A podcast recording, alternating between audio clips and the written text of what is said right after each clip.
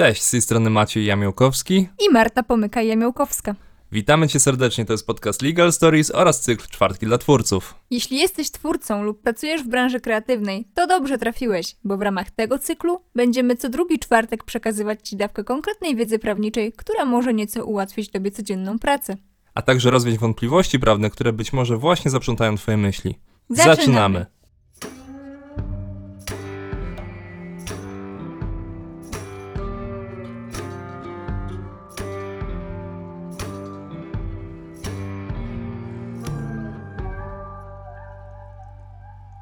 Cześć, z tej strony Marta. I Maciej? Wracamy do Was po wakacyjnej przerwie. Za oknami powoli już jesienna aura, trochę deszczu, trochę liści, które żółkną, więc to taki idealny czas, żeby wrócić, żeby zacząć pisać, nagrywać. Także startujemy, można powiedzieć, na nowo. Zrobiliśmy sobie studencką przerwę wakacyjną, można powiedzieć. Tak, bo właśnie październik, a my wracamy, więc to chyba takie jeszcze stare przyzwyczajenia z czasów studenckich. No ale październik jest bardzo dobrym miesiącem do tego, żeby poszerzać swoją wiedzę. A dzisiaj sobie opowiemy o takim temacie, który jest bardzo istotny, jeżeli chodzi o dzisiejszy dzień, bo właśnie dziś zmienia się regulamin Facebooka i o tej zmianie sobie powiemy. Powiemy sobie, z czym to w praktyce się wiąże dla nas jako użytkowników. No ale regulaminy się zmieniają, różne strony zmieniają swoje regulaminy, więc dlaczego właśnie mówimy o Facebooku? Może wytłumaczmy naszym słuchaczom. Mówimy dzisiaj o Facebooku, dlatego że Facebook służy nie tylko do celów prywatnych, ale wielu z Was na pewno też wykorzystuje Facebooka po to, aby promować swoją działalność. A jak wiecie z założenia, cykl Czwartki dla Twórców właśnie skupia się na popularyzacji wiedzy, która ma być przydatna dla Was po to, abyście działalność prowadzili w sposób świadomy, a każda zmiana regulaminu pociąga za sobą pewne skutki, dlatego my dzisiaj chcemy o nich powiedzieć, żebyście byli świadomi, w jaki sposób trzeba korzystać z Facebooka i jakie nowe mechanizmy Facebook wprowadza, które mogą rzutować na Waszą aktywność na Facebooku. No ale najpierw zacznijmy w ogóle od wyjaśnienia, dlaczego tutaj nastąpiła taka zmiana regulaminu.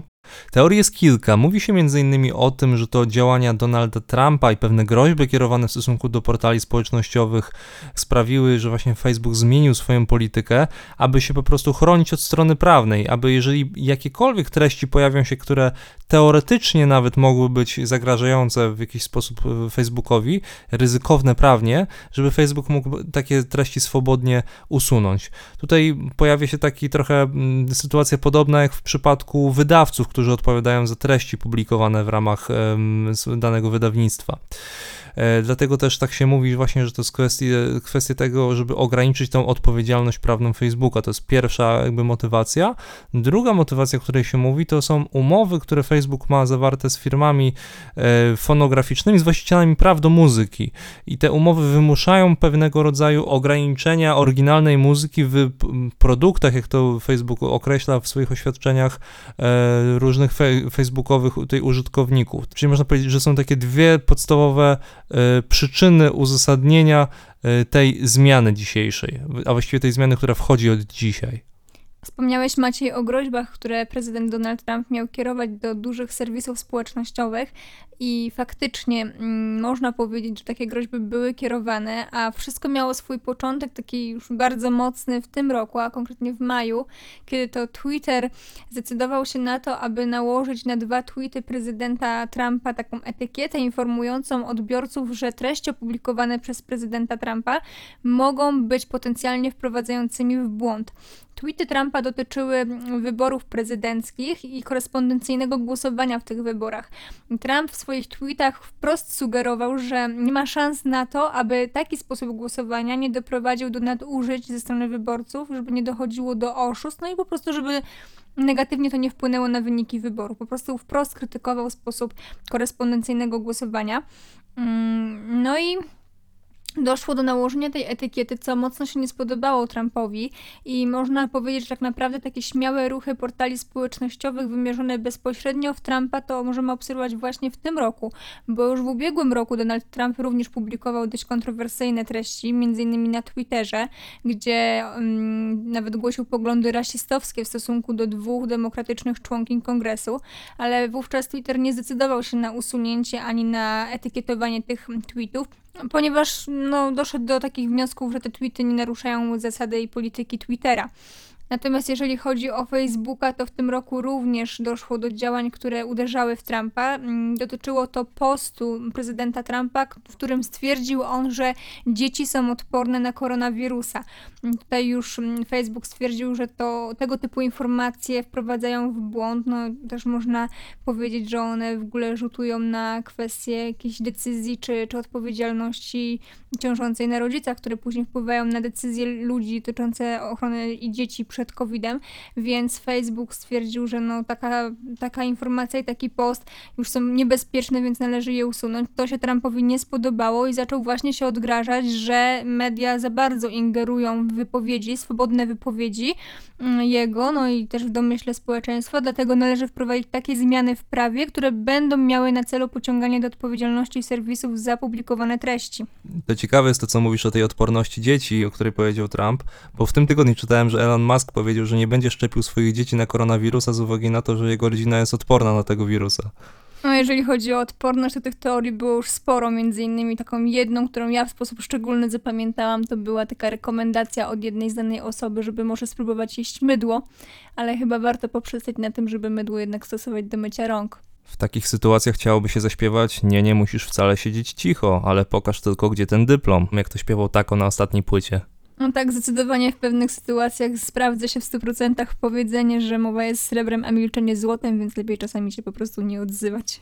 Ale my dzisiaj będziemy się odzywać, ponieważ chcemy przekazać Wam informacje o nowym regulaminie Facebooka, więc y, przejdźmy do konkretów. Wyjdźmy od tego, że cała zmiana skupia się tak naprawdę na tym, że Facebook od dzisiaj ma prawo do tego, aby usuwać pewne treści w przypadku, gdyby te treści, te publikacje użytkowników mogłyby narazić Facebook na jakieś konsekwencje prawne.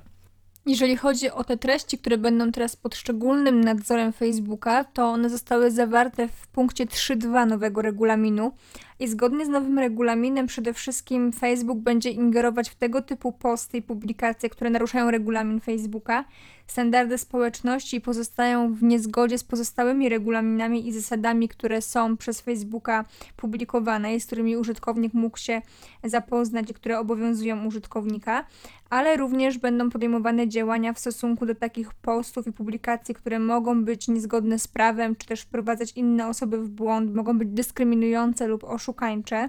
Facebook również w nowym brzmieniu regulaminu kładzie bardzo mocny akcent na kwestię ochrony praw własności intelektualnej, więc jeżeli dojdzie do naruszenia czyichś praw autorskich, Facebook również będzie ingerować, będzie mógł ingerować w tego typu publikacje. O tym powiemy sobie jeszcze szczegółowo w dalszej części nagrania.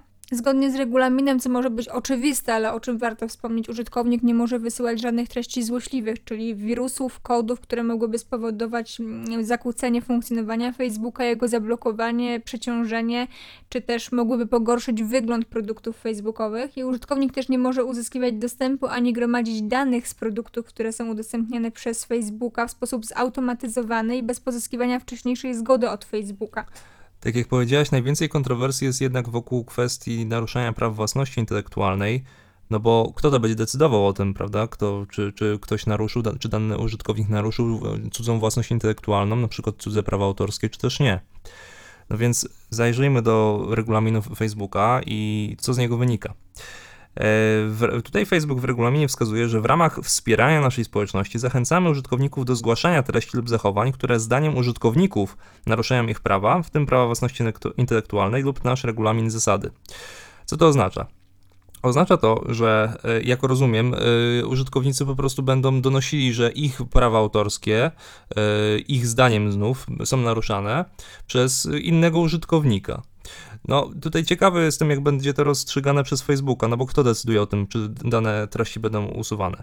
E, Jak wynika z regulaminu Facebooka, decyzja o tym, czy dana publikacja narusza regulamin lub prawa, e, leży wyłącznie w gestii przedstawiciela Facebooka. Zależy to więc od jego subiektywnej oceny danej sytuacji. Więc można powiedzieć, że w tym konkretnym przypadku przedstawiciel Facebooka, który no przecież nie musi mieć wiedzy prawniczej, wciela się poniekąd w rolę y, takiego arbitra, w rolę sędziego, który decyduje, czy coś, czy dane treści naruszają prawa autorskie, na przykład prawa autorskie, lub nie. To jest bardzo ciekawe z uwagi na to, że chociażby samo prawo autorskie zawiera szereg wyjątków, kiedy y, cudza twórczość może być wykorzystywana, y, na przykład w ramach prawa cytatu.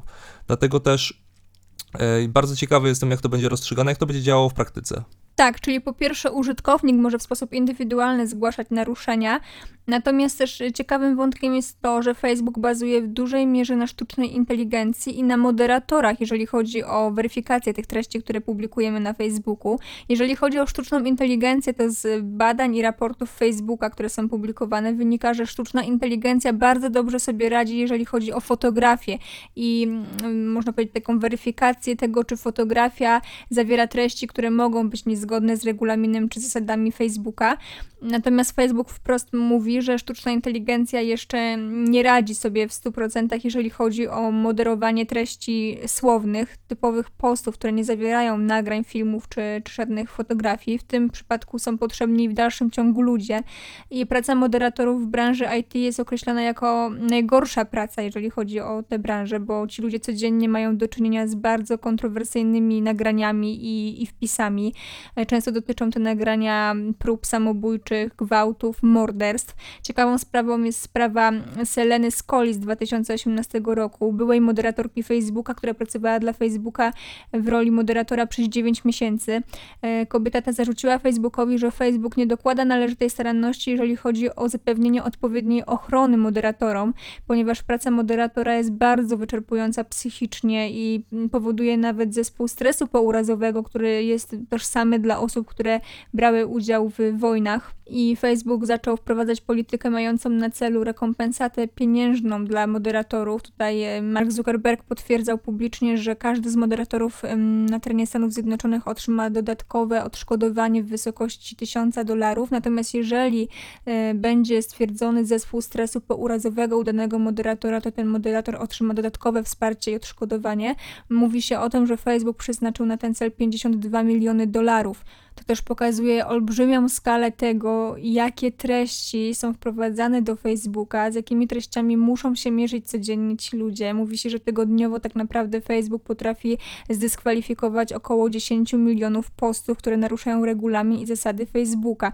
Jako przykład takiego kontrowersyjnego nagrania można chociażby podać nagranie, które dotyczyło e, mężczyzny z Tajlandii, który m, mm, próbował do sieci wrzucić nagranie e, zabójstwa swojej 11-miesięcznej córki, a następnie następnie nagrywało swoją próbę samobójczą. I za tym wszystkim gdzieś w zapleczu Facebooka stoją ludzie, którzy te treści muszą filtrować i usuwać. Więc to też jest ważny wątek, nie tylko prawny, ale też społeczny, żeby jednak mieć świadomość tego, że to, co my wrzucamy, gdzieś ktoś musi jednak jeszcze swoim drugim okiem ocenić. obok kwestii moderowania niewygodnych dla Facebooka, czy też po prostu niebezpiecznych od strony prawnej wpisów lub publikacji, e, nowy regulamin przynosi również pewnego rodzaju rewolucję dla muzyków, w szczególności dla tych muzyków, którzy na Facebooku streamują lub też streamowali na żywo muzykę. Mówię streamowali, mówię w czasie przeszłym, bo już w związku z zapowiedzią nowego regulaminu Facebooka, Część znanych twórców, czy też nawet całych stron poświęconych właśnie muzyce, która muzyce na żywo, streamowanej, przeniosło się z Facebooka na własną platformę, czy też wyszło po prostu, można powiedzieć tak kolokwialnie, z Facebooka, bojąc się, że Facebook w związku z nowym regulaminem zablokuje możliwość e, swobodnego tworzenia muzyki e, na żywo, swobodnego streamowania. E, czyli uderzy to, mówiąc wprost, najbardziej w DJ-ów. E, problem wynika z tego, e, jak Facebook się tłumaczył w oświadczeniach, do których dotarliśmy, że Facebook ma podpisane pewne umowy z właścicielami praw, domyślamy się, że z firmami fonograficznymi, e, w zakresie tego, jak duża, jak, jak wiele muzyki może być po prostu wykorzystywanych w, w ramach publikacji, które znajdują się na Facebooku. No i w ramach tych wytycznych Facebook wskazuje, że aby uniknąć e, takiego zarzutu, czy też po prostu działań Facebooka mających na celu e, ograniczenie muzyki, czyli na przykład wyciszenie filmu, Facebook zaleca niewykorzystywanie na przykład całych utworów, tylko raczej fragmentu utworów muzycznych, czyli generalnie tam, gdzie muzyka będzie tłem w filmie, tam może się pojawić problem. No i znów możemy mieć sytuację, ja słyszałem też o takich sytuacjach, gdzie y, twórcy tworzyli własną muzykę, czy też wykorzystywali własną muzykę, ale nie wiem, trudno powiedzieć mi, czy to algorytmy Facebooka, czy też po prostu moderatorzy nie wiedząc, że to była oryginalna muzyka, wysyłali os- ostrzeżenie, że dany, materi- że dany materiał może naruszać prawa autorskie. Dlatego też widzimy już pewien, pewnego rodzaju taki trend, ruch, że ta muzyka streamowana, muzyka tworzona na żywo raczej będzie na Facebooku ograniczana, a twórcy, poważni twórcy, którzy tutaj do tej pory działali, e, będą się przenosili na albo na YouTube'a, albo na bardziej takie niezależne własne platformy. Tak, faktycznie dla DJ-ów może to być dość ryzykowne rozwiązanie, to wprowadzone przez Facebooka. Natomiast jeżeli jesteście użytkownikami, którzy po prostu chcieliby na potrzeby własnych filmików stworzyć sobie tło muzyczne do takiej publikacji, to Facebook tutaj też podpowiada i zachęca do tego, żeby korzystać z kolekcji nagrań Facebooka, gdzie są udostępniane oryginalne dźwięki, oryginalne efekty dźwiękowe, po to, żebyście w sposób całkowicie legalny mogli przebrnąć przez procedurę weryfikacji Facebooka i cieszyć się tym wzbogaconym materiałem, więc są możliwości do tego, aby w sposób legalny działać na Facebooku z wykorzystaniem muzyki. A jeżeli już tak się zdarzy, że faktycznie dojdzie do usunięcia przez Facebooka publikowanych przez Was treści, to zostaniecie o tym poinformowani, a Facebook też Wam wskaże kroki konkretne, jakie możecie podjąć w celu uzyskania ponownej weryfikacji treści, które zostały przez Was opublikowane. Facebook jednak zwraca też uwagę na to, że w przypadku tej ponownej weryfikacji istotne jest to, czy naruszanie regulaminu nie jest naruszaniem uporczywym i poważnym, no bo w takiej sytuacji oczywiście nawet ponowna weryfikacja prawdopodobnie nie przyniesie skutku i treści będą na stałe usunięte. 对。I w ten sposób dotarliśmy do mety. Na dzisiaj to już koniec. E, mogą nam się te zmiany w regulaminie Facebooka nie podobać. Niektórzy uważają je za wprost za cenzurę wręcz.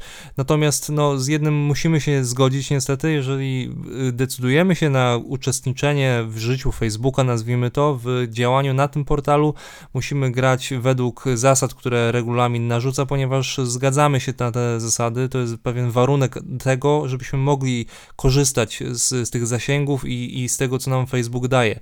Dlatego też, jeżeli coś publikujemy, powinno to być mimo wszystko zgodne z regulaminem, nawet jeżeli się z nim nie do końca zgadzamy, e, a jeżeli się z nim w ogóle nie zgadzamy, no to zawsze możemy poszukać innej platformy, na której e, te, te zasady będą bardziej liberalne. A dopóki jesteście na Facebooku, to życzymy Wam tego, żebyście zawsze publikowali treści, które są zgodne z regulaminem i zasadami Facebooka, a co więcej, żebyście się spotykali z treściami, które są wyłącznie zgodne z tymi zasadami. Na dzisiaj to już koniec i do usłyszenia w kolejnym odcinku. Cześć.